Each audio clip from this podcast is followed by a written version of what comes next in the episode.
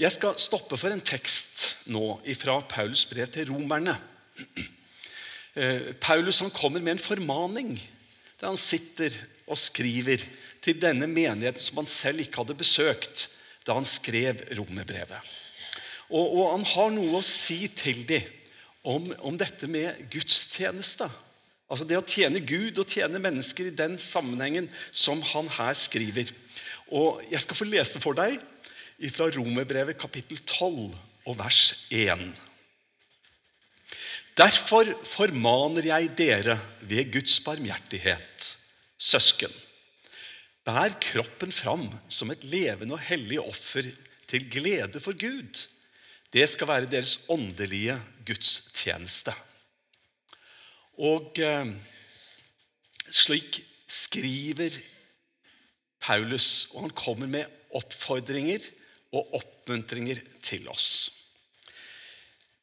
Jeg skal bare spørre eh, dere ved teknikerbordet. Er det noe dere tror jeg skal gjøre? For nå så jeg den forsvant. Skal jeg ta den? Nå er den der. Og var det bare der nede? Kanskje dere hadde det her hele tida? Nei, nei, nei. nei, men nå er det der. Så fint. Ja. Paulus han skriver om, eh, om gudstjeneste, at dette skal være deres åndelige gudstjeneste. Og eh, du vet, Når vi leser disse versene, og jeg tenker på det å bære kroppen frem som et levende og hellig offer til glede for Gud, så syns jo jeg at det kan være litt krevende. Jeg vet ikke hvordan du, du tenker, men kanskje en del tenker at ja, det er jo ikke det minste problem. Men, men noen av oss vi syns at det kan være litt vanskelig å, være på det nivået at vi med, liksom, med, god samvittighet kan si at ja, dette får jeg til. Jeg gjør som Paulus formaner oss til, og jeg bærer fram meg selv med alt som i meg er, som et hellig og som et uh, Gud velbehagelig offer. Og så er det sånn da, at Når vi leser en ton, sånn tekst, så tror jeg mange av oss kan få så mye skyldfølelse og dårlig samvittighet og massevis av tanker og spørsmål. Og vi kan bare lesse på oss med, med, med tunge byrder. Og jeg, jeg, hadde et bilde som jeg brukte, jeg har brukt flere ganger. Eh, det er fra Kabul. Og, og det er bilde av et esel som går der og bærer på en sånn svær eh, eller, kjerre. Eller om det er han som bærer kjerra, er vel kanskje en overdrivelse, for det er mer kjerra som bærer den. Og, og ikke sant? Du, kan, du kan oppleve at byrdene blir så store at uansett hva du gjør og prøver å få til, så kommer du ikke så mye lenger. Fordi at det, det du har lessa på deg, det blir for mye. Og dette stakkars eselet som merka at det var for baktungt, hele lasset, og han løftes opp og henger der i lufta. Og lenger kommer han ikke. Og noen av oss vi kan kjenne oss igjen.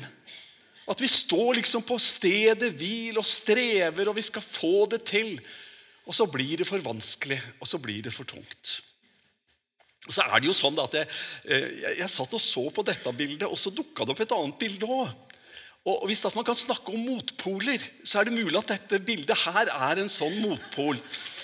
Og Jeg husker ikke hvor dette bildet ble tatt.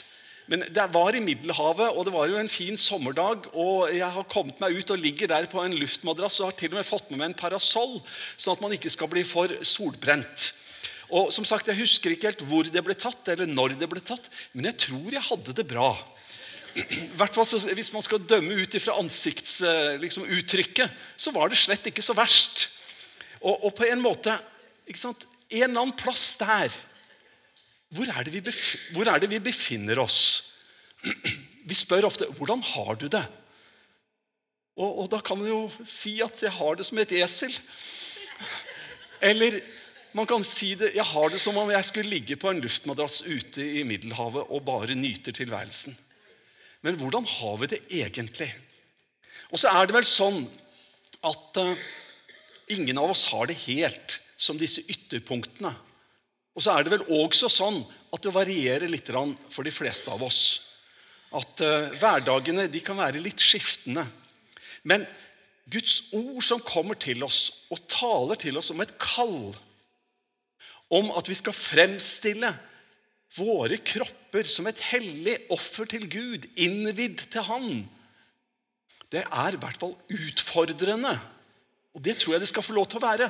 Det skal ikke presse oss ned i motløshet og fortvilelse. Men Gud har gitt oss et kall.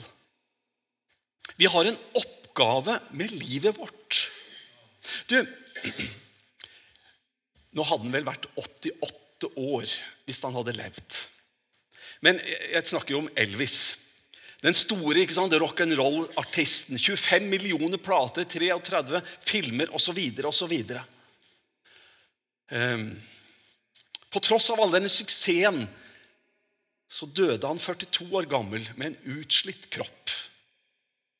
Og sånn var det. Og kona til Elvis, Preskilla, 78 år gammel er hun nå, hun sa dette om Elvis. Elvis forsto aldri helt verken hvem han var, eller hva hensikten med livet var. Han mente han var her for en oppgave. Kanskje det var som forkynner. Kanskje hjelpe noen, eller bare det å ta seg av noen som trengte oppmuntring. Denne trangen bar han alltid med seg, og han visste at han ikke levde opp til det han var ment for. Elvis hadde ikke en idé om hvor han skulle begynne å lete etter mening. På en måte var han helt i villrede. Det sa kona hans. Mange de vet ikke hva som er meninga med livet. Og det er tilfeller slik som Preskilla sa her. Det er mange som ikke har en eneste tanke eller idé om hvor man kan begynne å leite. Hva er Guds kall? Hva er Guds mening? Hva er den tjeneste som Gud har kalt oss til? Den enkelte av oss. Det er et vakkert bilde her nå av fire menn som går og bærer på ei båre med en venn som ligger der syk på båra, og de bærer han. Det er jo en bibelfortelling, og mange av dere husker fortellingen. Disse fire de holdt til i nordenden der av Tiberiassjøen, ved Kapernaum. Og Jesus han hadde vært og reist rundt forbi, og nå var han kommet tilbake igjen til der han bodde, Kapernaum. Han vokste jo opp i Nasaret, men Kapernaum det ble kalt for Jesu by, for det var der han var så mye. Og disse fire disse hadde en venn som var lam. Han kunne ikke gå til Jesus pga. sitt handikap. Og disse fire de ville føre ham til Jesus, men de kunne ikke. For det var så mye folk. Det var ikke mulig å komme seg fram med båre og alt sammen. Det var helt fylt med mennesker. Men de hadde ett mål for denne reisa som de la ut på. Og målet det var å føre denne lamme til Jesus. Det står om historien bl.a. i Markus' evangelium. Så mye mennesker, så mange hindringer, men de visste vi har en oppgave. Og Jeg tror de på en måte hadde en formening om vi har en gudgitt oppgave. Det er å hjelpe denne mannen, denne personen, til Jesus. Og dere, jeg tror det er vår oppgave i dag også. Og Det er så mange spørsmål som kommer i tilknytning til det. Men tenk om vi kan være med å lede, føre mennesker til en opplevelse av hvordan Jesus er. Disse fire som tar tak i denne båra for å bære sin venn. Jeg har hatt gleden av å høre Tommy Barnett noen ganger for veldig mange år siden live og Noen av dere har kanskje også hørt han. Han har vært her på besøk i, i Oslo og, og, i Norge ved flere anledninger. Og en preken som han har holdt, det var om disse fire. Og Nå husker jeg ikke helt 100% sikkert, men jeg tror ikke det er så farlig. Jeg skal ta poenget allikevel. For det som Tommy Barnett talte om Han sa at disse fire personene det står ingenting om hva de heter i Bibelen. Men nå skal jeg komme med noe tilleggsinformasjon som bare jeg vet, sa Tommy Barnett. Og så fortalte han oss hva disse fire het. Og selvfølgelig så var det bare oppdiktet, men likevel et poeng. For den ene, han het Mr. Compassion.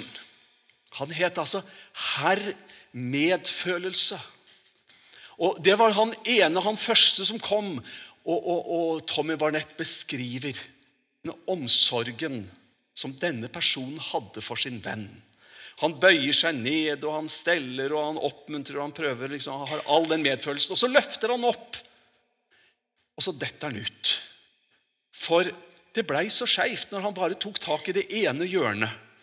Og så skjønte vi jo alle sammen hele poenget med fortellingen sånn sett. Fra Tommy Barnett. Nummer to han het, han het herr Bønn. Og nummer tre het herr Oppmuntring. Og den fjerde het herr Utholdende. Hvis jeg husker det riktig. Og, og De prøvde å løfte med både én og to og tre, og han ramla jo ut hver gang. Men når de var der alle fire og tok tak i hvert sitt hjørne av båra og løfter opp, så bærer de han til Jesus. Og i all sin enkelhet, for det må man jo ha lov til å kunne si at en sånn liten illustrasjon er Men i all sin enkelhet så har jeg en følelse av at den har et poeng. Altså, Vi har en oppgave, og det er å være med og føre mennesker til Jesus. Og det er ikke sikkert at du og jeg klarer det helt alene. Kan være vi trenger noen flere i det teamet, og at vi må samarbeide litt og jobbe litt sammen og løfte litt på likt og dele byrder og dele utfordringer. Og så får vi ha dette målet. Vi skal lede og føre denne personen til Jesus. Og Da, da blir det så mye enklere på mange måter. Når det når det byttes fra å være at 'jeg skal lede ham til Jesus'. For det er det mye utfordring i. Og hvis vi bytter bort 'jeg skal' til 'vi skal', så blir det så mye mer lett. Og jeg tror det blir så mye mer bibelsk på alle måter. Jeg tror det blir så mye mer riktig på alle måter. Og som dere vet, jeg elsker Guds menighet. Og det å få lov til å være i et fellesskap og det at vi kan si at vi som en menighet, vi har en oppgave. Og, og, og det er ikke alt det voldsomme og store alltid, Det er ikke alltid det som får overskriftene. Jeg hadde nær sagt heldigvis. Men, men vi har en oppgave. Det er å være med og lede mennesker til Jesus.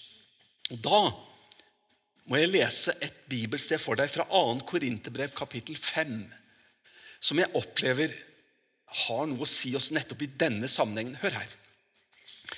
Så er vi da utsendinger for Kristus, og det er Gud selv som formaner gjennom oss. Vi ber dere på Kristi vegne, la dere forsone med Gud. Så er vi da utsendinger for Kristus. Ehm, det kunne vært oversatt altså Hvis det hadde vært mer sånn ord for ord, så er vi da representanter for Kristus. Altså, Vi representerer han. For dere, når vi skal lede mennesker til Jesus Jo, på en måte var det litt enklere for disse fire i den bibelfortellingen vår. De visste at han var der, i Kapernaum. Og Riktignok var det fryktelig mye folk, så det var vanskelig å komme fram. Men det gikk jo an, visste de. Det var å komme seg opp på taket og få, få bort noen av stokkene og greinene der og fire han ned. For der er Jesus. For oss er det litt vanskeligere på en måte. For Jesus er jo ikke her på den måten. Vi sier at Jesus er midt iblant oss ved sin gode Hellige Ånd, og det er sant. Han er jo her. Og han lovte oss og sa at 'jeg skal være med dere alle dager'. Og vi tror på det.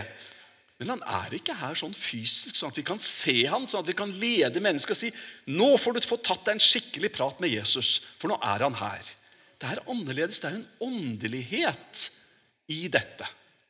Og du skjønner, da blir det litt utfordrende for oss når vi leser denne teksten. Så er vi da representanter for Kristus. Og det er Gud selv som formaner gjennom oss. Vi ber dere på Kristi vegne. La dere forsone med Gud. Eller som det står i 1.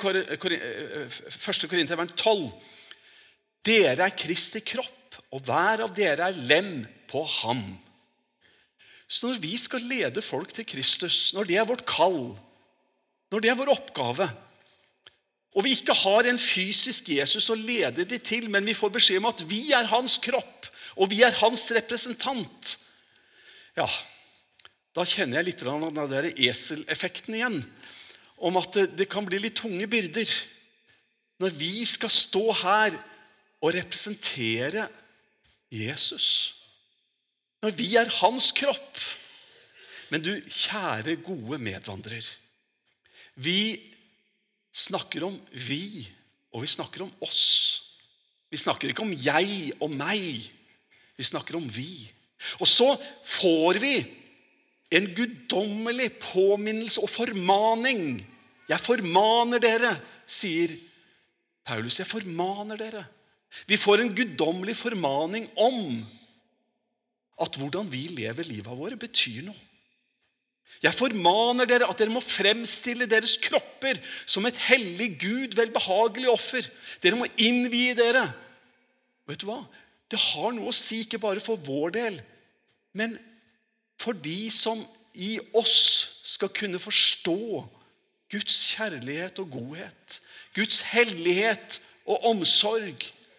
Som, når vi skal representere Han når vi i Guds sted skal stå og formane mennesker forlik dere med Gud, så betyr det noe om hva slags prioriteringer som vi har i våre liv. Du, Se på dette fine bildet, da. Moder Teresa. Eller hva syns du om Billy Graham? Eller ja, Jan Christensen? Hva tenker dere om Emanuel Minos eller David André Østby? Eller for ikke å snakke om ikke sant, Ludvig Carlsen? Det er forskjellige tjenester. Og Vi kunne holdt eh, en lang, eh, liten minnetall om hver eneste en av eh, disse som har gått foran oss. Du Det er forskjellige tjenester, men vi får utfylle hverandre. Og det er forskjellige ting vi brenner for. Altså, En av de han var nokså asosial. Og når han kom på besøk hos noen, så, så, likte han å sitte oppe på rommet sitt, og de hørte hvordan det klapra i skrivemaskinen sin som han hadde med. Det var hans måte å være på. Han var ikke en sånn type som gikk ute på gaten og prøvde å komme i kontakt med folk. og alt dette her. Mens andre, det bildet som vi ser her av Ludvig, han var nokså annerledes. Han var nær. Han, han, han, var der sammen med eh, de som det hadde både vanskelig og, han var sammen med både høyt og lavt. Og, og hadde en enorme kontaktflata. Og Sånn kunne vi nevnt den ene etter den andre etter de tilfeldige navnene som jeg nevnte. Noen sanger, noen forkynner, noen studenter. Bibelstudier. Ja, er det sant? Men du, de hadde ett mål. De visste vi skal være med sammen i et stort lag å lede mennesker til Jesus. Hør her, Efeserbrevet kapittel 2. Der står det For vi er Hans verk, skapt i Kristus Jesus til gode gjerninger. Ja, Det er jo det det står. Vi er Hans verk, skapt i Kristus Jesus til gode gjerninger, som Gud på forhånd har lagt ferdig for at vi skulle vandre i dem. Du, jeg tenker sånn på det som ble sagt om Elvis. Han hadde ingen idé om hvor han skulle begynne å leite etter meninga med livet. I hvilken grad det var riktig, det vet jo ikke jeg. Men det var jo det som ble sagt da. Han hadde ingen idé. Og så kunne vi jo ha lest her, da. For vi er Hans verk, skapt i Kristus Jesus, til gode gjerninger som Gud på forhånd har lagt ferdig for at vi skulle vandre i dem. For å summere opp vår gudstjeneste det er å fremstille oss selv som et Gud innvidd, hellig offer. Det er, det er, å prioritere det som er Guds vilje i våre liv. Og så skal det føre til at vi sammen får lov til å være med og vise mennesker hvem Jesus er. Vi skal få bringe dem til en levende møte og forståelse av hvordan Jesus Kristus er. Det tror jeg er vårt kall. Det er den formaningen som Paulus kommer med til oss. Det er viktigheten av at vi får lov til å innvie oss selv, sånn at vi kan få være et brukbart redskap i Guds allmektige hånd. I Jesu navn. Amen.